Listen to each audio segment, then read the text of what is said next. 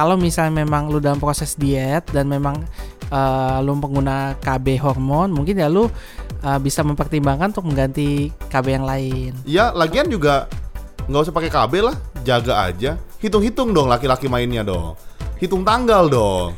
Lu jangan dikit-dikit gitu, lu masih jaga nafsu juga. Kita nih ngomongin apa sih sebenarnya? Gak tahu gue Gak tahu nih. gue yang bisa gue hitung tanggal cuma gaji doang.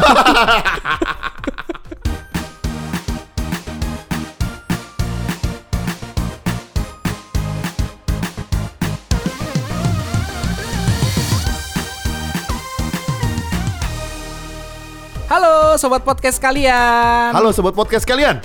Lu kayaknya excited banget. Lu mau ngomongin apa hari ini emangnya? Dari muka lu, gua nggak suka nih kayak topiknya hari ini nih. Bentar bentar, gue buka list gue dulu nih. List lu kayaknya banyak banget nih.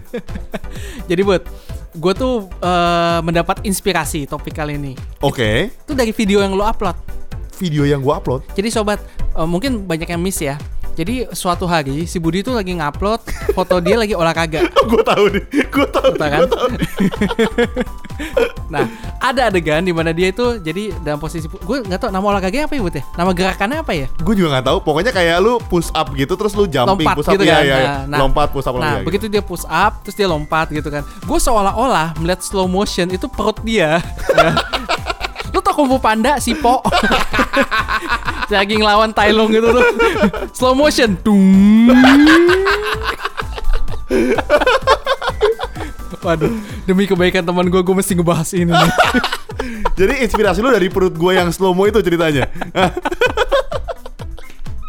Emang lu bahas apa sih hari ini sebenarnya? Gini gini buat Eh, True story ya Oke. Jadi eh, banyak eh, orang, terutama perempuan nih, yang sering ngajuin pertanyaan ke gue. Dan menurut gue ini masuk termasuk salah satu myth. Dia tanya, "Dok, saya udah menikah belum punya anak, bisa nggak sama dokter gitu?" Bukan. oh enggak, gue, gue pikir itu. Gue, Hampir gue jawab loh. enggak, gue pikir mitnya lu pria bayaran, bukan ya? Bukan itu ya. ya tapi bisa sih panggil saya boleh. Oke, oke, oke, oke. Jadi pertanyaannya ini buat ya, dok, saya ini udah nggak makan makan dok. Tapi kok berat badan saya nggak turun-turun. Nah, I see. Ya, ya, ya, ya, Iya ya, kan, ya. yang para perempuan, bener gak? Betul, betul, betul, betul. Pertanyaan itu terjadi, ya betul. Oke. Tapi sebenarnya gue sambil makan. nah, Yan, itu pertanyaan memang jamak di semua, terutama perempuan ya. Ya. Laki-laki sih agak cuek mungkin sama bentuk perutnya gitu. Kalau perempuan mungkin lebih concern. kalau bisa sih lu jangan cuek, Bud. gue lagi menatap itu loh. Oke oke oke oke oke.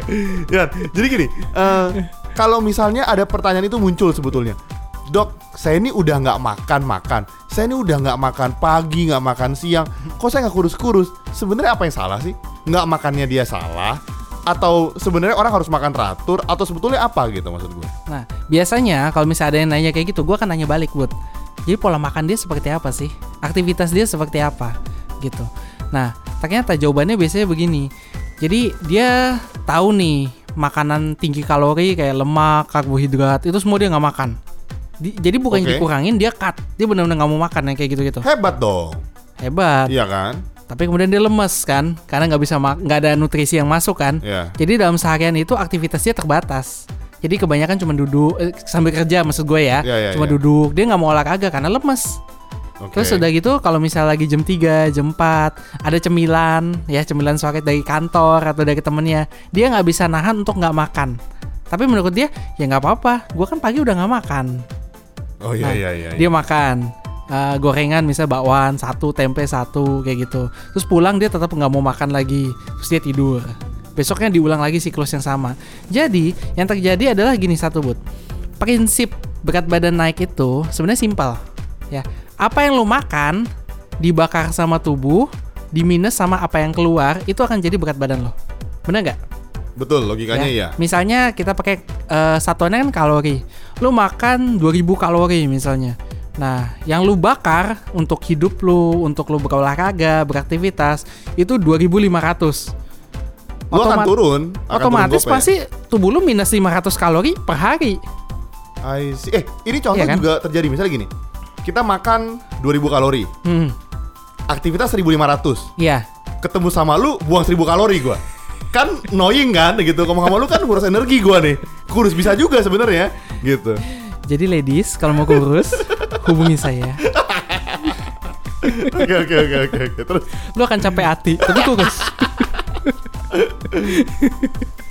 nah, jadi, nah setelah kalau misal gue lihat-lihat, mungkin memang eh, pasien gue itu intake-nya kurang, menurun, ya kan? Karena dia makan lebih dikit. Tapi yang dia bakar karena dia malas gerak, ya juga berkurang, Berkurang berkurang juga. juga. Akhirnya sama aja. Ya I mungkin jadi penurunannya mungkin ada, tapi dalam jangka waktu yang lama. Atau malah yang nggak turun karena nggak ada defisit.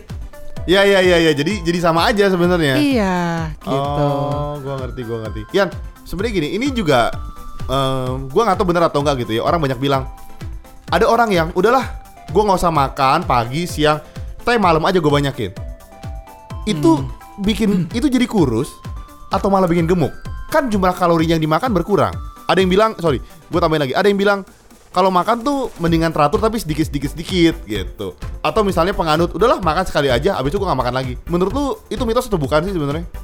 Ya, jadi kalau misalnya untuk makan yang sedikit-sedikit itu kan memang eh, katanya untuk pembakaran kalorinya biar lebih merata, Ya, ya. gitu. Eh, lebih ke kalau yang advance ya sampai ke regulasi insulin. Nah, itu memang bisa. Tapi prinsip umum secara umum adalah yaitu berapa yang lu makan, berapa yang lu bakar, pam, itu akan menjadi dasar berat badan lo apakah itu kurang atau kan akan bertambah.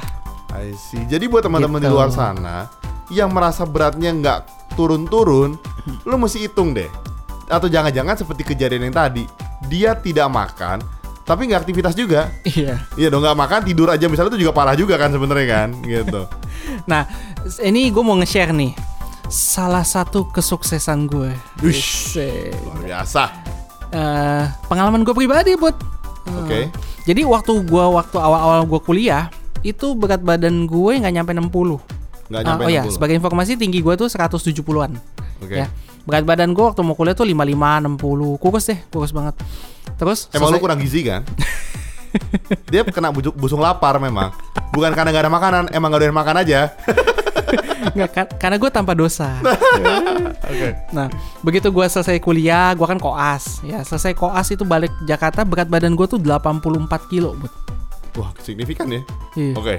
Nah, itu kelihatan banget tuh udah buncitnya perutnya itu gue udah ngerasa banget Eh, agak-agak ngap juga karena memang eh, gua akuin gue pecinta makan. Oke. Dan waktu itu agak nggak kontrol. Nah, dari 84 itu karena gue memutuskan emang perut gue udah nggak enak banget tuh buat dilihat gitu. Sama seperti apa gue lihat sekarang. nah, jadi Eh ini seksi loh, Big Mac itu menggoda loh, Ding. Gila, kalau istri gue sih puas-puas aja ya. Oke. Manny nggak enak aja ngomongnya. nah, dari 84 itu akhirnya gue bisa sukses nurunin jadi 75 kilo. Dari Oke. itu masih bertahan sampai sekarang. Jadi gue berat gue biasanya naik turun antara 70, 78 sampai ke 75 lah. Nah, eh, cara gue nurunin tuh gimana waktu itu? Gue cuma kurangin karbohidrat. Kalau orang bilang mungkin diet diet keto ya. Diet keto ya. Nah, tapi waktu itu gue masih nggak kenal diet gituan. Gue cuman gue tahu porsi makanan yang gue terima itu karbohidratnya gue kurangin. Mungkin biasa gue makan satu porsi nasi gue kurangin jadi eh, tiga perempat atau setengahnya gitu. Dengan aktivitas gue tetap. Bahkan kalau bisa mungkin gue tambah dengan ol- olahraga. I see. Poinnya sama, yang masuk sama yang keluar lu gimana gitu kan Iya. intinya kan. Dan berat badan penurunan berat badan yang stabil itu seharusnya sih mungkin sekitar 2 sampai 4 kilo dalam waktu satu bulan. Jadi gua nggak instan buat dari iya, 84 iya, ke 75 itu gua nggak usah perlu waktu tiga bulan lebih. kayak misalnya podcast ini berjalan udah tiga bulan ya, Hmm? berat badan gue juga turun. Kan ngomong sama lu mulu gue. Beban nih, gue nih beban ngomong sama dia beban nih tiap podcast jadi turun juga ding sama. Jadi nanti satu bulan lagi pembukanya, but lu kukusan ya.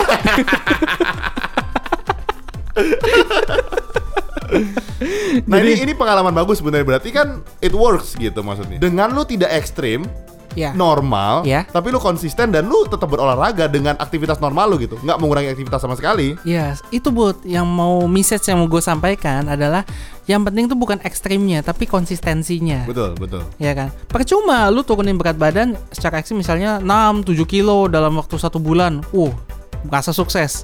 Bulan depannya lu balas dendam. Iya iya naik iya, lagi. iya, iya. Ya kan? Terus Betul, bulan betul. ketiganya lu udah merasa males. Karena yang ada di mindset lu adalah percuma ah diet gue juga ntar Naik gemuk lagi. Nah itu.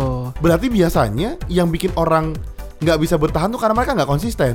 Karena nggak konsisten, Betul karena ya? mungkin terlalu ekstrim juga Iya, dietnya. iya, iya, iya, iya. gitu loh. Ya makanya kan kalau misalnya teman-teman gue yang nge-gym ya, mereka kadang-kadang tuh punya yang namanya cheat day, ya kan? Hari Ya. nge-cheat mereka boleh makan apa aja itu karena eh, sebagai proses juga untuk menikmati itu.